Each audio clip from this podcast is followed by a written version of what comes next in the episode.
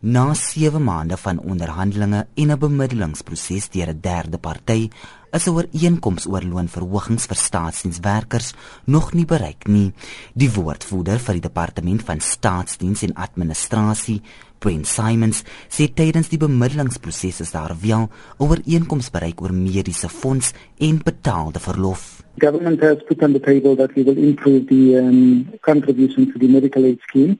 To 28.5%, and unions have agreed to that.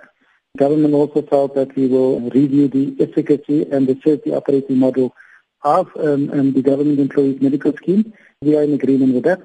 And we will investigate the feasibility of a pensioner dispensation in respect of the housing allowance.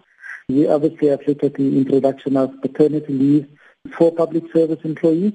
We've also increased family responsibility leave. Now all these leaves would actually be paid Die regering se loonaanbod is 'n verhoging van 5,8%. Dit is minder as die 6,6% waarvoor die nasionale tesourier begroot het. Staatsdiensvakbonde wil egter 'n 10% verhoging hê.